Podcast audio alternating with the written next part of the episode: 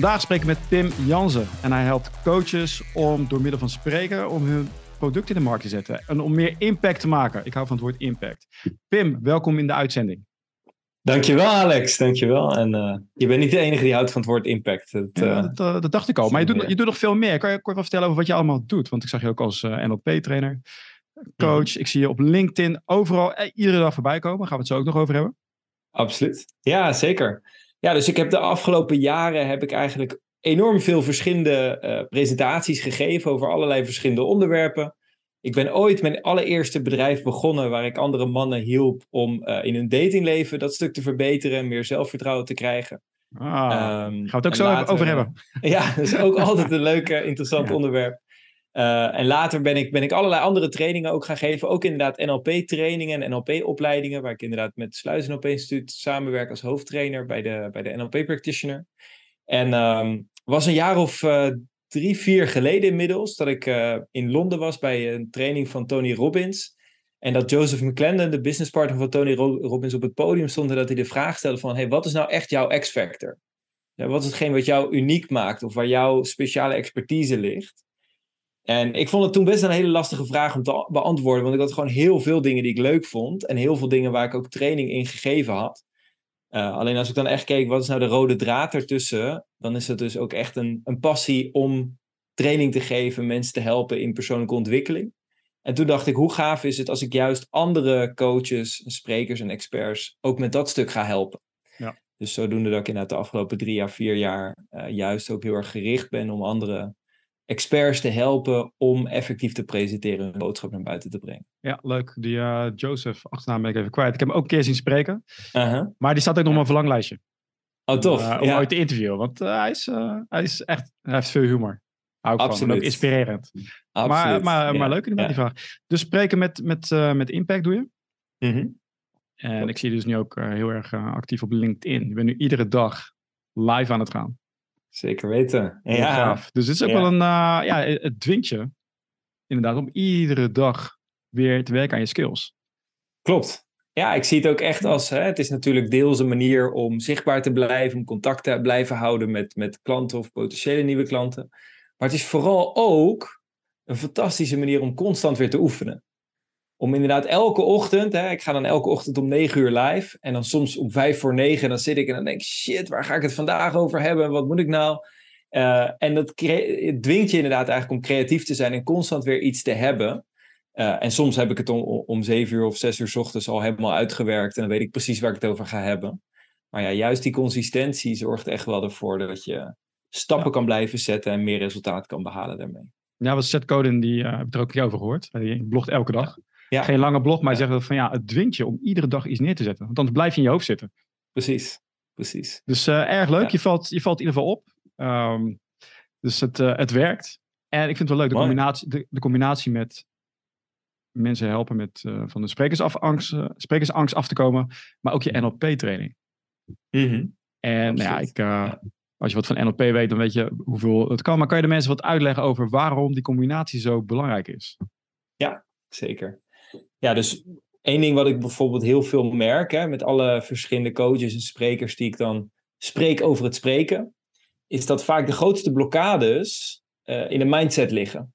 Dus van, van de 130 mensen of zo die ik de afgelopen anderhalf jaar gesproken heb, geeft denk ik 70, 80 procent aan van hé, hey, mijn, mijn grootste barrière is de angst om te gaan spreken. De angst om echt mezelf naar buiten te brengen. Want wat vinden mensen van mij? Wat voor oordeel gaan mensen daarover hebben? Ben ik wel interessant genoeg? Willen mensen wel naar mij luisteren? En nog een aantal van die overtuigingen. En uh, NLP, neurolinguistisch programmeren, is juist een hele mooie manier om te werken met dat soort overtuigingen. En met dat soort angsten. Om te kijken hoe kan ik daar overheen stappen. En juist wel met meer zelfvertrouwen ook echt mijn boodschap naar buiten brengen. Neurolinguistisch programmeren. Precies, precies. Kijk, als je erin zit, dan ken je die term, is gewoon normaal. Maar iemand die dat niet kent, ja. die denkt, waar hebben ze het over? Ja, ja, dat kan ik me heel goed voorstellen. De, het, het, programmeren, ik hoor ook wel eens mensen die, die zeggen dan van, goh, is dat iets met computers of een bepaalde computertaal of iets dergelijks? Nou, daar heeft het helemaal niks mee te maken. Uh, neurolinguistisch programmeren is, is eigenlijk opgericht in de tijd, in de jaren 60, 70, dat uh, ons menselijk brein heel vaak vergeleken werd met een computer. En er dus inderdaad heel vaak uh, zeg maar die vergelijking werd gelegd. En daarom dus het idee van, hey, als je een computer kunt programmeren, dan kun je ons brein ook programmeren. En zo is eigenlijk de filosofie van NLP ontstaan. En dan in mijn ogen, hoe ik het zelf vooral zie, is hè, we zijn allemaal al op een bepaalde manier geprogrammeerd. Dus we hebben van onze ouders, van school, van de media en dergelijke, hebben we allemaal overtuigingen meegekregen en dergelijke. En uh, eh, NLP is voor mij echt een manier om naar die programmering te kijken. En te kijken wat kan ik daarin veranderen. Over NLP. Dus het menselijk brein wordt gezien als een computer die kan programmeren. Natuurlijk simplistisch uitgelegd. Ik vind het nog leuk, uh, heb je wel eens gehoord van uh, Eric Milton? Zeg ik het goed? Milton Erickson bedoel je? Milton Erickson. Ja, ja, absoluut. Ja. zeker. Milton Erickson was een van de rolmodellen van de oprichters van NLP, waar de filosofie van NLP op gebaseerd is. Uh, dus hij was een hele effectieve hypnotherapeut, waar uh, die, die constant zeg maar, klanten doorgestuurd kregen die door niemand anders geholpen konden worden. En uh, de oprichters van NLP zijn eigenlijk echt gaan kijken naar, hey, hoe doet iemand zoals Milton Erickson nou echt wat hij doet? En wat maakt hem anders dan bijvoorbeeld andere hypnotherapeuten? En dat is een van de grondleggers eigenlijk waar NLP uiteindelijk vandaan is gekomen. Ja, en het linguïstische, dat is taal. Mm -hmm. heeft heel veel te maken met hoe wij praten tegen onszelf. Dus Absoluut. Ja. praktisch voorbeeld, je gaat het podium op, je gaat spreken, dan hoor je zo'n stemmetje in je hoofd. Mm -hmm. ze, ze, ze, kijken allemaal naar me. Wat denken ze van me? Oh, dadelijk doe ik het verkeerd. Precies. Ja, zeker weten. En heel mooi gevonden ook, hè? want vaak als het over linguïstisch taal gaat, dan hebben mensen de aanname dat de taal naar buiten is. En dat is een deel daarvan, hè? de juiste vragen stellen en effectief communiceren met anderen. Alleen inderdaad, de belangrijkste persoon waar je de hele dag mee communiceert, dat ben je naar het zelf. Dus precies wat je zegt, dat stemmetje van binnen, wat de hele dag aan het kletsen is en de hele dag zegt, ja, dit kan je wel, dit kan je niet, hier ben je wel goed in, hier ben je niet goed in. De kunst daarbij is inderdaad ook om te kijken, hey, hoe kan ik dat stemmetje meer voor me laten werken? Um, simpel voorbeeld, ik had, ik had vroeger toen ik begon met persoonlijke ontwikkeling altijd het idee dat ik een soort van drillsergeant voor mezelf moest zijn. Dat ik heel streng voor mezelf moest zijn om mezelf te motiveren om maar dingen gedaan te krijgen en stappen te zetten. Um, en toen ik zelf mijn NLP-opleiding volgde, toen leerde ik van, oh, maar je kan ook als het ware de interne cheerleader voor jezelf zijn. En juist jezelf aanmoedigen om dingen gedaan te krijgen. En dat werkt ook. Het is eigenlijk een heel simpel verschil. Maar toch was het voor mij op dat moment best wel eventjes een, een doorbraakmoment. Ik dacht, oh wauw, zo kan het ook gewoon. Een leuk, uh, leuk beeld voor me van die interne cheerleader die jij dan hebt verzonnen. ja, precies. Je kan er plaatje bij maken. Ik, ja, ja, een paar, ja, een paar jaar geleden kwam, een paar jaar geleden, dus ik had altijd in mijn, uh, in mijn hoofd ook van, oké, mensen hebben een intern dialoog. Dus voor mm -hmm. mij, ik dacht dus, iedereen heeft dat. Nu kwam ik er een paar jaar geleden achter, ik denk, een jaar of twee, drie, dat er een hele grote groepen, dat er grote groepen mensen zijn die helemaal geen intern monoloog hebben. Mm. En ik dacht, wauw, wat is dit? Ik ben toen gaan uitzoeken en ja hoor, heel veel mensen hebben dat gewoon niet. Hoe is jouw ervaring daarbij? Ja, zeker. Kijk, iedereen heeft, uh, heeft een andere manier waarop ze de wereld ervaren. Ja. Dus uh, ik merk inderdaad ook wel eens in opleidingen dat sommige mensen doen heel kinesthetisch. Hè? Dus die voelen van alles, maar die zien bijvoorbeeld helemaal niet zoveel of die zeggen niet zo heel veel tegen zichzelf. Um, en andere mensen zijn weer heel erg visueel ingesteld en die zien vooral heel veel beelden. Uh, dus ik gebruik altijd zeg maar het uitgangspunt van oké, okay, waar beginnen we? Als je heel veel moeite hebt met beelden zien, dan zeg ik oké, laten we eens beginnen met bijvoorbeeld juist wat je tegen jezelf zegt, dat interne dialoog. Of juist met je gevoel, om vanuit daar ook naar de anderen te gaan. Tegelijkertijd merk ik wel dat als we echt ons best doen, dan kunnen we ze alle drie. Dus bijvoorbeeld, wat het meest voorkomt in mijn ervaring is dat mensen zeggen: ik, ik kan bijvoorbeeld geen beelden zien. Dan, ik, ik zit met mijn ogen dicht en ik probeer te visualiseren, maar ik zie niks. En dan vaak als ik ze dan uitnodig om te zeggen: Oké, dus nou ja, stel je voor, je, je bent op het strand bijvoorbeeld. Nou, kun je je voorstellen dat, uh, dat je het, uh, het zand onder je voeten voelt.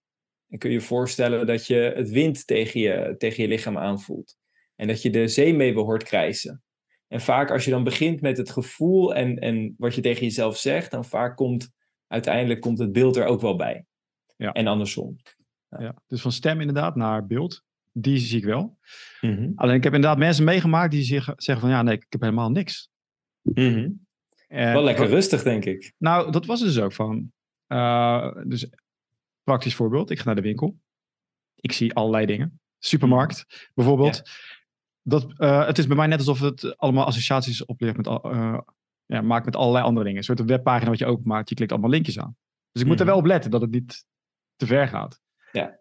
Maar inderdaad, ik heb met zo iemand gesproken die zegt, nee, ik heb niks. Ik heb gewoon dat nodig. Ik loop erheen, pak het, klaar. Denk je in beelden? Ja. Denk je dan in beeld? Nee, niet. Wat zie je dan eigenlijk? Ja, weet ik niet. Oké, hoe kom jij, hoe maak je een, hoe maak je een besluit? Ja, nee, dat Mhm. weet ik gewoon. Mhm. En ik dacht, wat? En ik kijk dus op internet. Heel veel, er was iemand die heeft er allemaal interviews eh, over gehouden met mensen. Die zeggen, nee, ik heb niks. Ja. Als ik, als ik een, iets moet weten, dan zie ik het, dan is het er gewoon. Mhm. Ja, fascinerend. Ik, ik zou daar sowieso nog wel eens wat, wat dieper in willen duiken als je het zo zegt. Ja. Eén ding wat ik wel merk, om, om daar wel een kleine nuance aan te geven, wat we bijvoorbeeld vaak in opleidingen merken. Eh, we hebben een tijdje lang hebben we heel veel gewerkt met de, de strategie om 's ochtends op te staan. Om een soort van dat uit te vragen, om erachter te komen van hoe doe je dat nou? Hè? Hoe doe je nou wat je doet? Naast dat je gewoon je bed uitstapt, maar wat zeg je bijvoorbeeld tegen jezelf? Wat voor beelden zie je? En dan merk je dat 90, 95 procent van de mensen daar helemaal niet bewust van zijn. En net zoals dat we heel veel dingen op een dag doen, onze tanden poetsen en dergelijke, zonder er echt bij na te denken, hoe doen we nou wat we doen? Ja. Want het gebeurt, het gebeurt niet vanzelf. Alleen vaak omdat het zo normaal is geworden, eh, slaan we eigenlijk al die stappen over en lijkt het alsof we van A direct bij het eindresultaat komen. Alleen mijn ervaring voor 99% van alle mensen die ik heb ontmoet, is dat er wel een heleboel stappen tussen zitten. Alleen dat we er vaak gewoon niet bewust van zijn. Ja, dat kan Ja. misschien inderdaad zo zijn dat het er wel is. Alleen dus die bewustwording is er niet. Het zou heel goed kunnen. Dat is in ieder geval de aanname die ik maak. Maar ik, ik, nogmaals, ik, eh, ik zou wel benieuwd zijn om daar nog, nou, daar nog eens wat dieper in te duiken. Ja, ik vind hem leuk. Maar Ja, het, eh, dat is een goede. dat. Ik, ik, ik was gewoon gefascineerd daardoor. Ik dacht, iedereen heeft. Bijvoorbeeld als ik een gesprek Ja. aanga met iemand. Dan kan ik van tevoren al dat gesprek aangaan. Mhm. En dan nadenken, oké, Precies. wat, wat zou ik zeggen in dat geval? Wat zeg ik in dat geval? Ja. Ja. Aantal Ja, andere absoluut. mensen helemaal Ja. niks. Nee, ik ga gewoon het gesprek in. En, eh, ik Ja. luister naar mijn gevoel. Dus ik vond het fascinerend. Wat ook fascinerend is, is dat jij ook aangeeft. Stel je bent een coach of je bent een ondernemer. Mhm. Om juist spreken te gebruiken voor je business. Dus om te groeien, om klanten te krijgen. Absoluut. Ja. ja, zeker. Ja. Nu is dat een van de vele tools. Maar in mijn ervaring, ja, hoe ik het zie, is spreken wel een van de meest waardevolle. Ook in mijn ervaring. Daarom ben ik thuis juist daar zo heel erg op gericht. Eh, ik vind het zelf en een van de leukste dingen, omdat je gewoon heel veel eh, plezier kan maken met een groep. Je kunt mensen ook waardevolle dingen leren, dus je ervaart ook heel veel dankbaarheid. Eh, maar daarnaast geloof ik ook, ben er eigenlijk van overtuigd dat het een van de meest effectieve manieren is. Hè, als we kijken buiten alleen coaches naar de grootste veranderingen in de wereld en de grootste wereldleiders, hoe hebben zij gedaan wat ze hebben gedaan? bijna altijd door speeches te geven. Dus neem een, een Gandhi of een Martin Luther King. Eh, als we aan Martin Luther King denken, ik, ik stel altijd die vraag voor eh, als ik zelf een training geef, van, nou, wat is dan het eerste wat, wat in je opkomt? Eh, nou ja, in dit geval, wat is het eerste wat bij jou op, opkomt? I have a dream. I have a dream, Ja. precies. Dus hij heeft een speech gegeven en daardoor heel veel verschil gemaakt. Omdat door een krachtige speech te geven of door mensen duidelijk te maken door middel van jouw verhaal wat je nou echt, eh, wat jouw visie is, wat, waar jij echt achter staat en in gelooft, ehm, kunnen mensen het niet alleen rationeel snappen, maar ze gaan het ook echt voelen. Ehm, mits je het goed doet natuurlijk. Dat is een eh, Dat is- kernwoord. ja. Mits je het goed doet. Want een van de dingen is ook van, wees niet... Ja. Ja, kijk, als je gewoon heel droog gaat praten over, nou, ik ben een D&D, ik doe dat, dat en dat, dat is saai. Ja, Maar inderdaad, als je op zo'n manier, eh, empower, wat was het, entertain, Eh, op zo'n manier bezig bent. Ja. Kijk, wat, vaak, wat je nu ook aangaf, eh, was vaak zijn, zijn er belemmerende overtuigingen. Maar vooral als je een coach bent, Mhm. consultant, ander ondernemer, dan heb je daar ook mee te maken met jouw klanten. Absoluut. Een groot Ja. deel van het hele verkoopproces is niet om te laten zien, kijk eens hoe mooi mijn, mijn speel Mhm. is, Ja, maar ja, het, nee, het verhaal eromheen. Dus ook A, wie ben jij? Maar B, zorg ook voor dat die persoon denkt van, nou ja, als ik dat koop, dan werkt het ook voor mij. Mhm. 100%. Ja, en eigenlijk de mooiste manier in mijn ogen is om mensen al helderheid, hè, z- zo'n uitspraak, ik hoorde het voor het eerst van Frank Kern, zo'n eh, copywriter eh, uit Amerika, die zei, eh, show people you can help them by actually helping them. Ja. Dus eigenlijk een heel simpel principe, alleen iets wat je op alles kan toepassen. Als je mensen kan laten zien van, hey, ik help je alvast op een schaal van 1 tot 10 om van 1 naar 4 te komen, dan is iemand al dichter bij het doel, waardoor het verlangen om verder te komen ook al eigenlijk alleen maar groter wordt. Want hé, hey, als, ik, als je me al hebt geholpen om een paar stappen vooruit te zetten, ja, dan kan ik me voorstellen dat je me ook kan helpen om die extra stappen te zetten. En ik geloof dat daar ja, presentaties geven eigenlijk ideaal voor is. Als iemand aan het einde van je presentatie helder weet, hey, dit is wat me te doen staat. En ook het gevoel heeft van, hey, die beperkende overtuigingen die ik tot nu toe heb gehad, die zijn eigenlijk onzin geweest. Je hebt me laten zien waarom het onzin is. En ik heb vertrouwen dat jij me inderdaad verder kan helpen. Ja, dan is het eigenlijk alleen maar logisch om dan een volgende stap te zetten. Het wel leuk dat jij Frank Kern ook kent. Want, uh, ja, als ik erover begin, dan kent niemand hem. Oh, maar, ja, maar een leuke gast. Ja, absoluut. dus je pakt eigenlijk, kijk, ook heel veel coaches van, wat is nou het verschil? Mm Ja, je propositie zet je neer. Ja, je moet iets anders zijn dan anderen. Maar het meeste wat er gekocht wordt, is jij. Jij als persoon. Dus de enige manier hoe je, dat kan, hoe je differentiatie aan kan brengen, is ook om die persoonlijkheid naar buiten te brengen.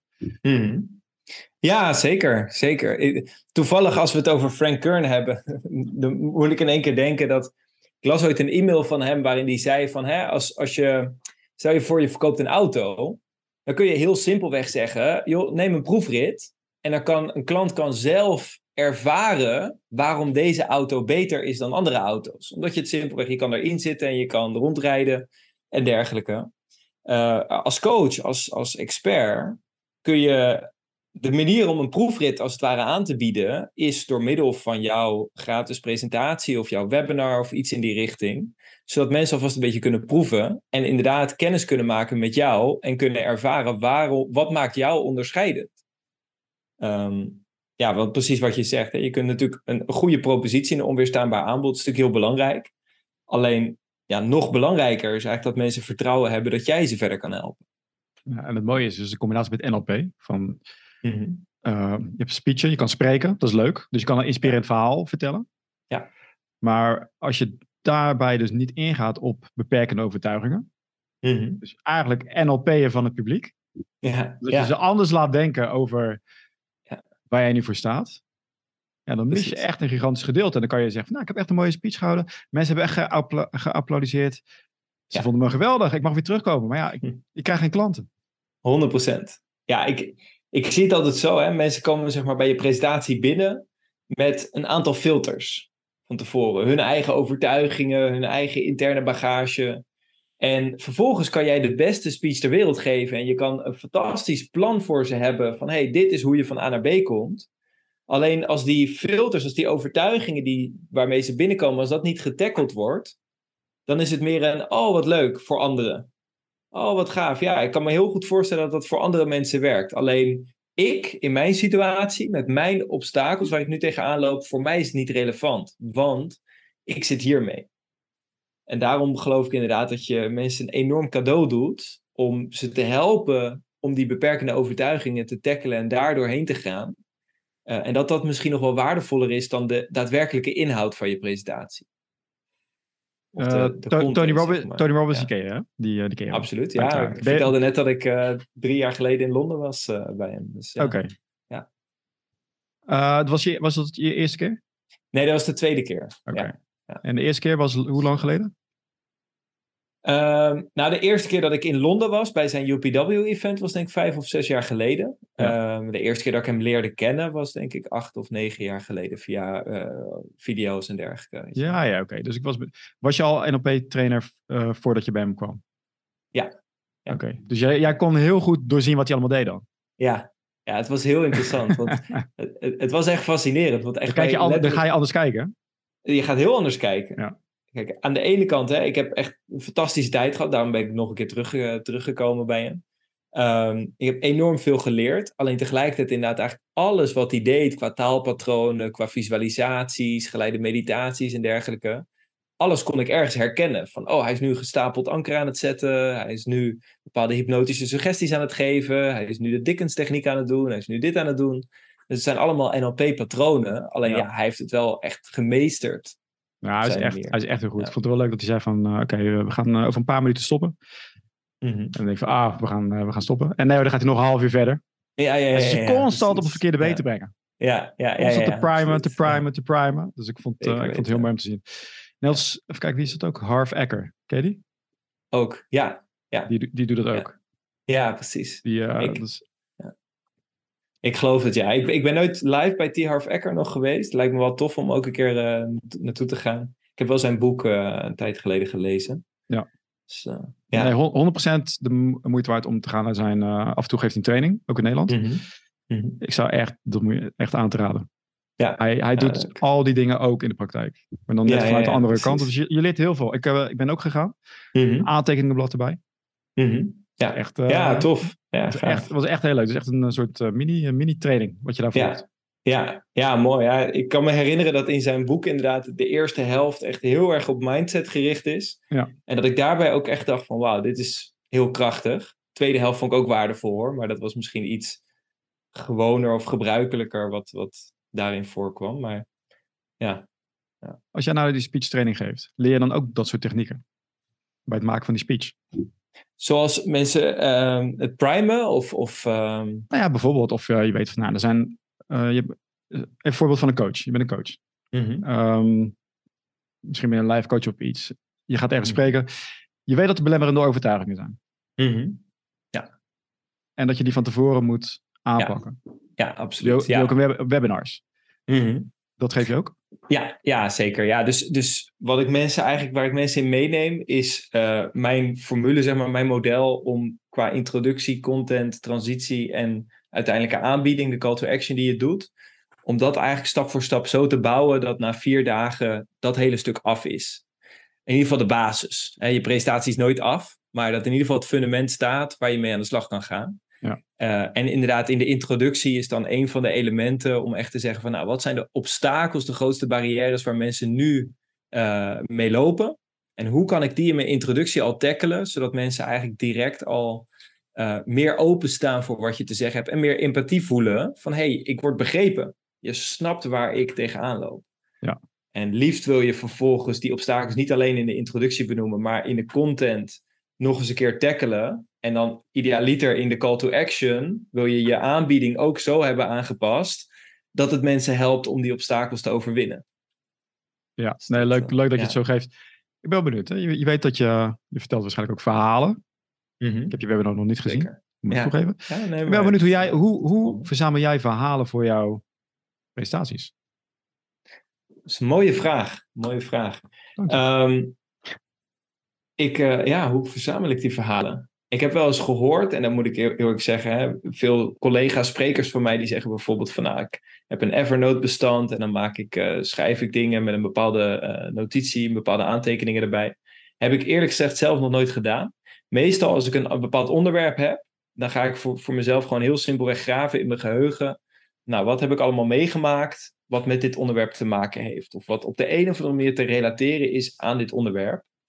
En soms draai ik hem ook om. Soms dan stel ik mezelf gewoon een vraag, zoals wat zijn nou de leukste momenten die ik het afgelopen jaar heb meegemaakt? Of wat zijn de meest chockerende momenten geweest? Of wat zijn de belangrijkste lessen geweest het afgelopen jaar? Of wat zijn de uh, meest grappige momenten geweest? Vaak, hè, verhalen zijn vaak momenten waar je heel veel emotie voelt. Dus daarom kies ik bewust van, oké, grappig of leuk. Of het kan ook heel angstaanjagend zijn. Of uh, momenten dat je juist heel boos was. En vervolgens ga ik dan kijken van, oké, okay, en wat zijn de lessen die ik in die momenten heb geleerd? En hoe kan ik het verweven tot een verhaal uh, waar mensen ook een bepaalde les mee kan meegeven? Ja, oké. Okay. En externe verhalen bijvoorbeeld?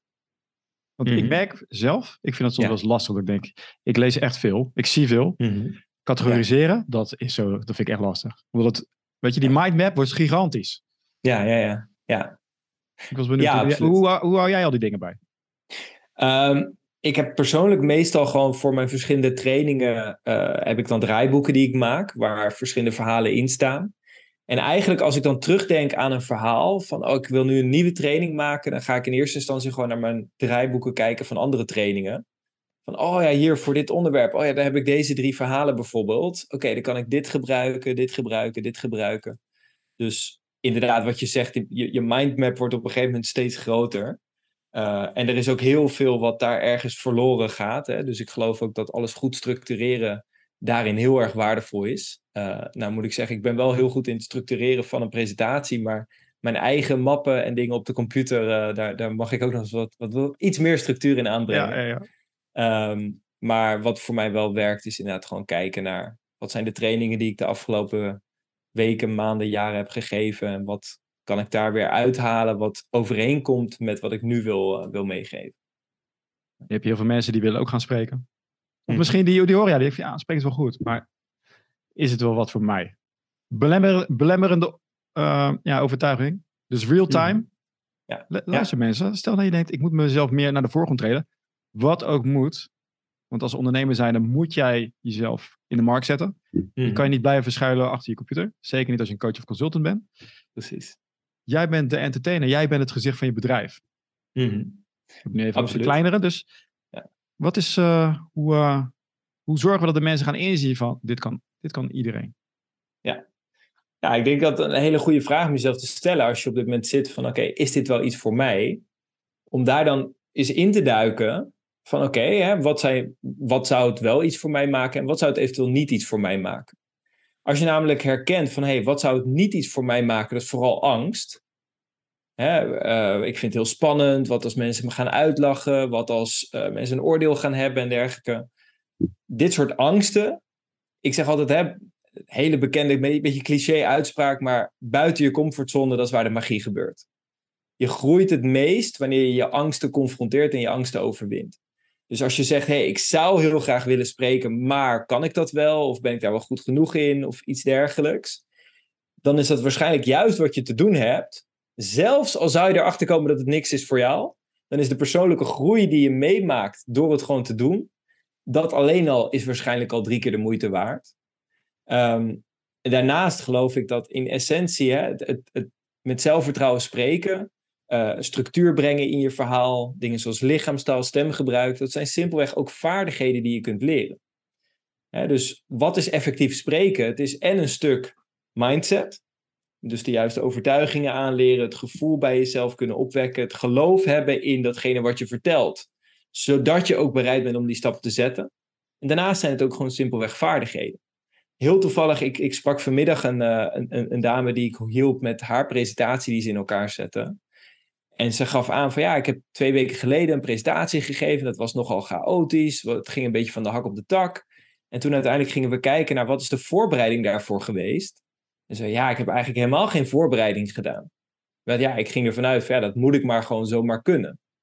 dus heel veel mensen, het, het, zou bizar zijn als je zegt, nou, ik ga, um, weet ik veel, een tenniskampioenschap in. En ik ga niet trainen, niet oefenen en ik ga verwachten dat ik er heel goed in ben. Maar op de een of andere manier, met spreken in het openbaar, hebben mensen vaak wel die gedachte. Ik ga niet voorbereiden, ik ga het niet oefenen, ik moet het allemaal maar gewoon kunnen improviseren. En ondanks dat ik het nog nooit eerder gedaan heb, moet ik er maar zomaar goed in zijn. Simpelweg een onrealistische verwachting. En het, uh, en het leuke is ook, van als je mhm. denkt, want iedereen heeft wel eens een keer gesproken. Of mhm. minimaal aangewezen in de klas. Ja, ja, ja, ja, ja absoluut. Ja, ja. Dat gevoel van spanning wordt vaak gezien van ja, ik vind het spannend, eng enzovoorts. En ik zeg juist van ja, maar het is juist goed om dat te hebben. Op het moment dat je mhm. dat niet hebt, dan ga je verslappen. Wat ik hoor is van, van artiesten die echt al decennia optreden. Ja. Kunnen nog steeds zenuwachtig zijn. Alleen ze interpreteren het anders. Je denkt van, nou ja, hierdoor, mijn lichaam komt juist in de avondstand. Van, Precies. ik ga iets groots doen. Ja. Dus het is juist iets positief om zo te voelen. Absoluut. Het is precies wat je zegt. Hè? Ze interpreteren het anders. Dus de betekenis van angst is wel leuk dat op een gegeven moment uit meerdere onderzoeken ook bleek van hè, wat is nou echt het verschil tussen angst en enthousiasme? Eigenlijk in het lichaam niet heel veel. Dus gewoon puur kijken wat gebeurt er in het lichaam. Ja, je hartslag gaat sneller, je ademhaling gaat sneller, je begint misschien in één keer meer zweet te produceren. Maar dat gebeurt zowel bij angst als bij enthousiasme. En ze hebben toen in die onderzoeken hebben ze ook gekeken van hey, waar zit nou echt het verschil in? En het verschil zit hem vooral in de focus. Angst is eigenlijk enthousiasme, maar dan met een focus van wat er mis kan gaan. En enthousiasme is eigenlijk gewoon angst, maar dan met een focus op wat er juist heel goed kan gaan. En ik vond, toen ik dat hoorde, dacht ik, ja, dat is eigenlijk fascinerend. Want dat is precies wat je zegt. Als je als beginnend spreker merkt, oh, mijn hart gaat sneller, dan denk je, oh shit, het is niet goed. Ik word bang, ik kan het beter niet doen. Dus als je meer ervaring krijgt en je leert van, hé, hey, mijn hart gaat sneller kloppen. Hé, hey, dat betekent dat er iets, iets, iets groots staat te gebeuren. En als, die, als ik dit zie als enthousiasme, dan helpt het me juist om meer aan te staan. Ja, ja het is echt heel leuk hoe je door de, door de focus ergens anders op te leggen. Dat is ook een van de kern, uh, de kern van NLP inderdaad. Van waar, waar leg je die focus op? Absoluut. Dat dezelfde gebeurtenis kan zo'n andere interpretatie hebben. Mm Absoluut, ja. Dus hoe, hoe uh, geef jij één op één trainingen met mensen? Is het één op uh, voor, voor, een groep? Hoe ja, mijn, mijn, training, mijn Spreken met Impact Bootcamp, is in, in de basis vier dagen met een groep. Um, en daarna zitten er dan nog allerlei extra's, mooie bonussen die mensen erbij krijgen. Daarvoor uh, moet je maar mijn webinar volgen om dat uh, precies te horen wat, er, wat erbij zit. Maar um, ik, ik kijk dan echt van oké, na die vier dagen, hoe kan ik mensen stap voor stap begeleiden om ook daadwerkelijk hun gewenste resultaten te behalen. En soms zit daar een stukje één op één in. Soms zit daar een stukje uh, QA-sessies in, feedback-sessies en dergelijke. Om gewoon uh, niet na vier dagen in één keer uh, in een soort zwart gat te vallen van oké, okay, je hebt nu de skills, zoek het zelf maar uit. Maar om gewoon stap voor stap door te gaan, begeleid te worden en te kunnen implementeren. Ik hoor het woord bootcamp en ik moet, ik moet gelijk weer die link leggen naar jouw, jouw eerdere werkzaamheden als pleziercoach? Hoe moet ik ja, zeggen? Ja, ja, ja, precies. ja. Ja, die term komt een beetje daar vandaan. Ja, ja precies. Dat ook altijd bootcamp inderdaad. Ja, Waarom? Ja, ja. Hoe, weet, hoe weet Alex dat? En welk jaar zat je daar? Dat je dat ongeveer? Um, dat was 2012, 2013, een beetje in die tijd. Iets, ja. ja toen begon ik ermee, denk ik. Uh, Oké, okay. wie, wa wie, waren jouw, uh, wie volgde jij toen? Wie waren jouw um, voorbeelden? mijn, uh, de, eerste, de eerste documentaire die ik ooit zag, wat me daarin een beetje had aangesproken, was van Richard LaRuna, heette die. De Gambler of zo was zijn bijnaam. Ah. En toen op een gegeven moment, uh, ja, ja. Maar die is oldschool. Gast, gast uit Engeland, ja, ja. oldschool ja, inderdaad, zeker. Toen op een gegeven moment, na een paar weken, kwam ik het boek The Game tegen van Neil Strauss. En toen later het bedrijf Real Social Dynamics en nog een aantal andere bedrijven, waar ik toen tientallen andere boeken en dergelijke waar ik toen uh, in heb verdiept. Maar, uh, ja, ja. Voor de mensen die er niets van weten, dat was echt jarenlang, ongeveer vanaf 2000. Was een hele, het was pick-up artistry. Ja. Het was een hele hype. Ja, dus, In 2000 werd er een boek geschreven. Maar daarin werden eigenlijk mannen, mannen getraind in hoe kunnen zij het beste een vrouw versieren. Klopt. Maar dit is langzamerhand veranderd in. Nee, het gaat om eigenwaarde. Mm -hmm. Eigenlijk ook het NLP-gedeelte. Want het enige wat de mannen nodig hadden was zelfvertrouwen absoluut. Net als in de verkoop. Het gaat niet om de training. Dus ik vind wel, vind het wel mooi dat je, dat je die switch hebt ge gemaakt. Ja, en je ziet dat alle, alle, ja. alle pick-up artistry, wat dat is allemaal gecanceld de laatste jaren. Maar die Mhm. zijn overgestapt op uh, ja, zelfvertrouwen ontwikkelen. Mm. Personal, personal development. Ja, ja veel, veel mensen inderdaad zijn, uh, hebben ergens een andere stap in, daarin gemaakt. En ik, vond, ik vond het zelf fascinerend toen ik allereerst nadat ik, nadat ik uh, met, met dating heel veel bezig was, dat ik begon met verkopen. En dat ik er op een gegeven moment eigenlijk echt letterlijk achter kwam. Het is in essentie gewoon hetzelfde. Ja.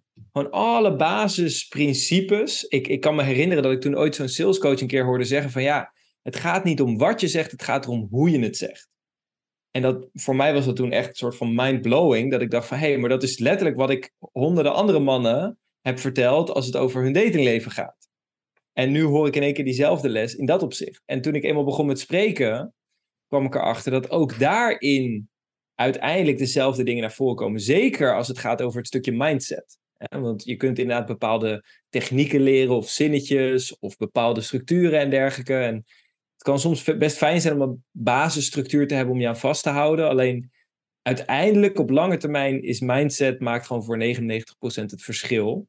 Uh, als je naar dit soort vaardigheden kijkt. Dus als je naar jouw bootcamp en... toe gaat, dan kan je gelijk ook... Uh, nou, je bent vrijgezel. Wie weet. Wie weet wat voor mooiste eruit De technieken zijn hetzelfde. Voor heel In veel de basis, op je, uh, van je leven. In de basis wel. Vooral, vooral de, de mindset, hoe je met je energie omgaat. He, je, de juiste stemming kunnen opwekken. Ik kan me herinneren, hè, toen ik daar heel veel mee bezig was, dan ging ik soms vier, vijf dagen per week, ging s'avonds stappen. En als je dan leuke dames ging aanspreken... Ja, ik was, als ik iets doe, dan doe ik Ja, het ook, oké, ik hoor het al. Je was ook. Ja. Ja, ja. Uh, als je dan, eh, je dan zo'n avond heel veel dames gaat aanspreken, dan kan het zijn dat je gewoon 40 keer op een avond wordt afgewezen. Nou, hoe zorg je ervoor dat je dan alsnog een goede stemming houdt, dat je nog super vrolijk bent eigenlijk aan het einde van de avond? Nou, exact hetzelfde is ook voor het geven van presentaties. Stel je voor, je hebt een presentatie te geven en een kwartier van tevoren kom je erachter dat je heel erg hoofdpijn hebt of dat je eigenlijk misselijk bent. Hoe zorg je ervoor dat je toch je stemming kan ombuigen, dat je met een goed gevoel, met kracht en impact, die presentatie geeft, waardoor het publiek eigenlijk zoiets heeft, wauw, geweldig. En jij achteraf denkt van, nou, hm, bijzonder dat niemand het door heeft gehad. Zeg ja, ja, ja. ja, vaak zie je ja, interne heel anders dan wat mensen van buiten zien. Ja. Maar inderdaad, en ook dat je al zelf al aan je bedrijf bouwt. Dus niet dat je op, uh, je gaat presentaties geven en je zegt, oh, ik moet die klant hebben. Nee, je staat er al. Mm. En als je dat uitstraalt en niet uitstraalt van, ik heb klanten nodig. Ja. Dat je al zeker erin bent. Dat je al gewoon een goede pipeline hebt. En weet van, dat je denkt in abundance. Dan straal je dat ook heel erg uit. Ja, zeker. Dus niet zo van, uh, en koop alsjeblieft. Wie wil? Ja. ja. Hou van mij. ja, precies. Het, ja, ik geloof dat het stukje abundance, overvloed, inderdaad, versus schaarste, dat dat zo essentieel is als het over presentaties aankomt, uh, klanten krijgen, financiën überhaupt, uh, inderdaad, uh, relaties en dating. Op het moment dat je van binnenuit een bepaalde overvloed voelt van hé, hey, ik ben al goed genoeg, of ik, ik heb al, al genoeg, of hè, ik heb er alle vertrouwen in, zelfs als je geen financiën, als je, als je weinig geld hebt op het moment, maar wel echt het gevoel van ik heb er 100% vertrouwen in dat datgene wat ik doe, dat het werkt en ik durf daar ook echt voor te gaan staan, dan kan je alsnog een gevoel van abundance ervaren, waardoor je inderdaad meer magnetisch aantrekkelijk wordt voor nieuwe klanten. Of uh, iemand van de andere sekse. Of dezelfde. Of, wat, jij, wat jij wil. Wat vind je van deze? Ja. Vertrouwen. Ja. Ik had vroeger mm altijd mijn hoofd van... Oké, ik vertrouw op dat wat ik doe werkt. Mm Alleen toen ik laatst, ik weet niet meer wie het was, dus uh, sorry. Credits komen alsnog als ik er weer achter kom. Vertrouwen is dat ook al gaat het mis, dat je mhm. een juiste oplossing gaat vinden. Mhm. En die dacht ik van ja, die is heel krachtig. Ja. Vertrouwen gaat niet om het eindproduct, het gaat om het proces. Absoluut. Ja, zeker. Eh, ja, het, eh, sowieso een focus op het proces is in mijn ogen veel waardevoller dan afhankelijk zijn van het resultaat. Omdat ik zie het altijd een beetje zo. Hè? Dus als je, als je je bedrijf hebt um, en je skills. Je skills, zolang je consistent actie blijft ondernemen, gaan je skills consistent omhoog. Wordt steeds beter. Alleen je resultaat. Dat zo. Ja, natuurlijk. Je, je, je skills gaan, Ook niet, gaan, gaan, ook niet in een rechte lijn, maar iets meer. Ja. Maar je resultaat gaat inderdaad meer met ups en downs. En langzaam maar zeker, als je natuurlijk over lange termijn kijkt, over een jaar, als je consistent die acties hebt ondernomen, dan gaat je resultaat ook wel omhoog. Maar er zit veel meer schommeling in. Terwijl de vaardigheden, wat je naar buiten brengt en de acties, daar kan je heel consistent in zijn. Dus als je vertrouwt van hey, deze acties gaan mij op lange termijn naar mijn gewenste resultaat leiden. En het enige wat ik hoef te doen is consistent die acties te blijven nemen. Dan geloof ik dat je dan uiteindelijk veel meer gaat bereiken dan je misschien kan voorstellen. Alleen, ja, ja, ja. Dat is uh, die stapjes. En daarbij ook, hè, als je eenmaal die trend uh, inzet, dus je maakt al die eerste, die eerste actie, gaat erop weg, maakt het mm. ook niet uit of je het een keer niet doet, als je het maar gewoon vaker wel doet dan niet doet. Ja, absoluut. Het is natuurlijk, hè, het is net waar je, waar je ambitie ligt en hoe vaak, hoe consistent en consequent je ergens in wil zijn. Maar in principe, inderdaad, 80, 90 procent van de tijd de juiste acties ondernemen, brengt je al een heel stuk verder dan, uh, nooit de juiste actie. Ja, dus gelijk voor stel, nou, je, je, ja, je, je bent bezig met diëten. En mhm. een keer eet je verkeerd. Mm -hmm. Dus oh, ik heb verpest. Oh nee, het is niet goed. Ik denk van, nee, ja. maakt niet uit. Ik ga het gewoon vaker wel dan niet doen. Dan ga je langzaam de trend omhoog. Ja, zeker. Kijk, ja, als, uh, dieet is zo'n mooi voorbeeld dat mensen inderdaad vaak... Oké, ik heb twee weken achter elkaar perfect uh, dieet gehad. En dan doe ik één keer, val ik zeg maar van het paard af. Oké, het is verpest ik, het is me niet gelukt, ik ben gefaald, dus ik stop ermee. Ja, ja, ja. Terwijl precies wat je zegt, die ene keer maakt helemaal niet zoveel verschil. Als je de dag daarna gewoon weer doet, doet wat je daarvoor deed, dan merk je er bijna niks van. Ja, dat, dat webinar voor jou, doe je, het, mm. doe je het live of doe je het met PowerPoint? Hoe doe jij dat? Uh, beide. Ik doe het live. Uh, ik gebruik inderdaad PowerPoint voor die, uh, voor die webinar. Um, ja, dat. Ik heb het afgelopen maanden een tijdje geautomatiseerd gedaan getest. Uh, ja, werkte gewoon minder goed. Dus, uh, Ja, want ik zit zo naar jou te kijken voor de mensen die dan uh, de video gaan bekijken. Hij kijkt heel erg het scherm richting, richting ons, dus dat doe ik dus niet. Mm -hmm. Want mijn camera staat ernaast. Ja. En ik heb gewoon het idee dat het hypnotiseren is. uh, mooi. Zit me zo aan te kijken, zo ik dacht van, dit is leuk om dat tijdens je webinar te doen. absoluut. Want het werkt Ja, wel op die ja, ja, manier zo, hè? Nee, ik vond het leuk. Ik, ik weet niet of ik je bewust aan het... Ik, ik, ben je niet bewust aan het hypnotiseren of, of iets dergelijks. Maar ik vind het wel leuk dat je dat, dat zo overkomt. Nou, die intensiteit zit erin. Ja, Vaak inderdaad, Ja, als je alleen een PowerPoint of een eh, PowerPoint gebruikt, dan mist dat helemaal. ja zeker. Zeker. Ja, als je, als je gewoon puur en alleen die slides hebt. Hè, de, er wordt veel gezegd in de wereld van webinars dat het eigenlijk niet uitmaakt. Of sommige webinar trainers die zeggen zelfs van... Nou, zelfs met alleen maar slides kan het zelfs beter presteren qua conversie. Ja. Nou, er zijn genoeg mensen die dat uitgebreid hebben getest. Dus ik geloof in de basis dat het zo is. Alleen tegelijkertijd geloof ik, als het over branding gaat, ehm, ik wil gewoon mijn persoonlijkheid laten zien. Ik wil verbinding maken ook met de mensen die er zijn. Dus voor mij, ik vind het gewoon heel fijn om de camera wel aan te hebben. Ja. Ehm, en soms ook om het gewoon zonder PowerPoint te doen. Dus bijvoorbeeld als ik met, eh, met Rutney eh, samen een introductiedag geef. Bijvoorbeeld aan, afgelopen woensdag hadden we nog zo'n introductieavond. Deden we helemaal zonder PowerPoint. Gewoon puur met ons twee in Zoom. En dan de mensen die erbij komen. Ehm, en het kan ook heel goed werken. Omdat je dan juist weer meer de verbinding aangaat. En juist meer de interactie kan opzoeken. Ja. Dus, en eh, en ja. Mhm. je moet wel kunnen presenteren. Dat is, dat Dat is wel is de, basis, ja. Ja. Dat is wel het uitgangspunt. Ja, Dan zit je daar. Exact. Heel saai Ja. te wezen of stilletjes. Ja, zit dan die PowerPoint maar aan. Daar gaat het niet werken. Dan, dan kan je beter een PowerPoint hebben. Ik geloof uiteindelijk als je, die, als je die basis, het fundament onder de knie hebt, maakt het eigenlijk niet uit of je een PowerPoint hebt of niet. Of dat je gewoon puur, eh, puur met mensen praat. Omdat je op dat moment. De, de- de structuur is er, de, de, de impact, de boodschap komt helder over. En dan is, ja, PowerPoint kan een aanvulling zijn, maar het kan ook een afleiding zijn. Nee, ik ben tegen PowerPoint. Nee, Ja, je, moet, je ja. moet gewoon gebruiken wat is, jouw, wat is jouw modus. Het kan best zijn dat het in een bepaald ander werkveld dat het wel, eh, wel werkt. Het, het verschilt ook inderdaad per onderwerp of per industrie. Als je natuurlijk als coach is persoonlijke verbinding heel waardevol. Maar als je in een industrie werkt waar heel veel data bijvoorbeeld in naar voren komt, dan kan juist een PowerPoint weer heel waardevol zijn. Nee, klopt. Dus het, in ieder geval, zeg maar, zorg dat je de keuze hebt. Je hebt een aantal websites. Pimjansen.nl. Ja, Je bent ook in, eh, je bent eh, spreker, je bent coach. Ja. Ehm, dan ben ik even de naam kwijt van die andere. Spreken met impact.nl. Ja, ja spreken met impact.com is het geloof ik. .com. Eh, Oké. .com inderdaad.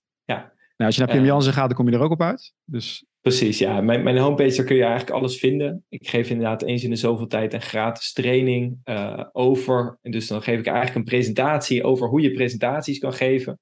Dus ik zeg altijd, je kan op twee manieren leren. Je kan en luisteren naar de inhoud en tegelijkertijd kun je ook luisteren naar hoe geef ik zelf die presentatie. En hoe bouw ik zelf de structuur van zo'n presentatie op.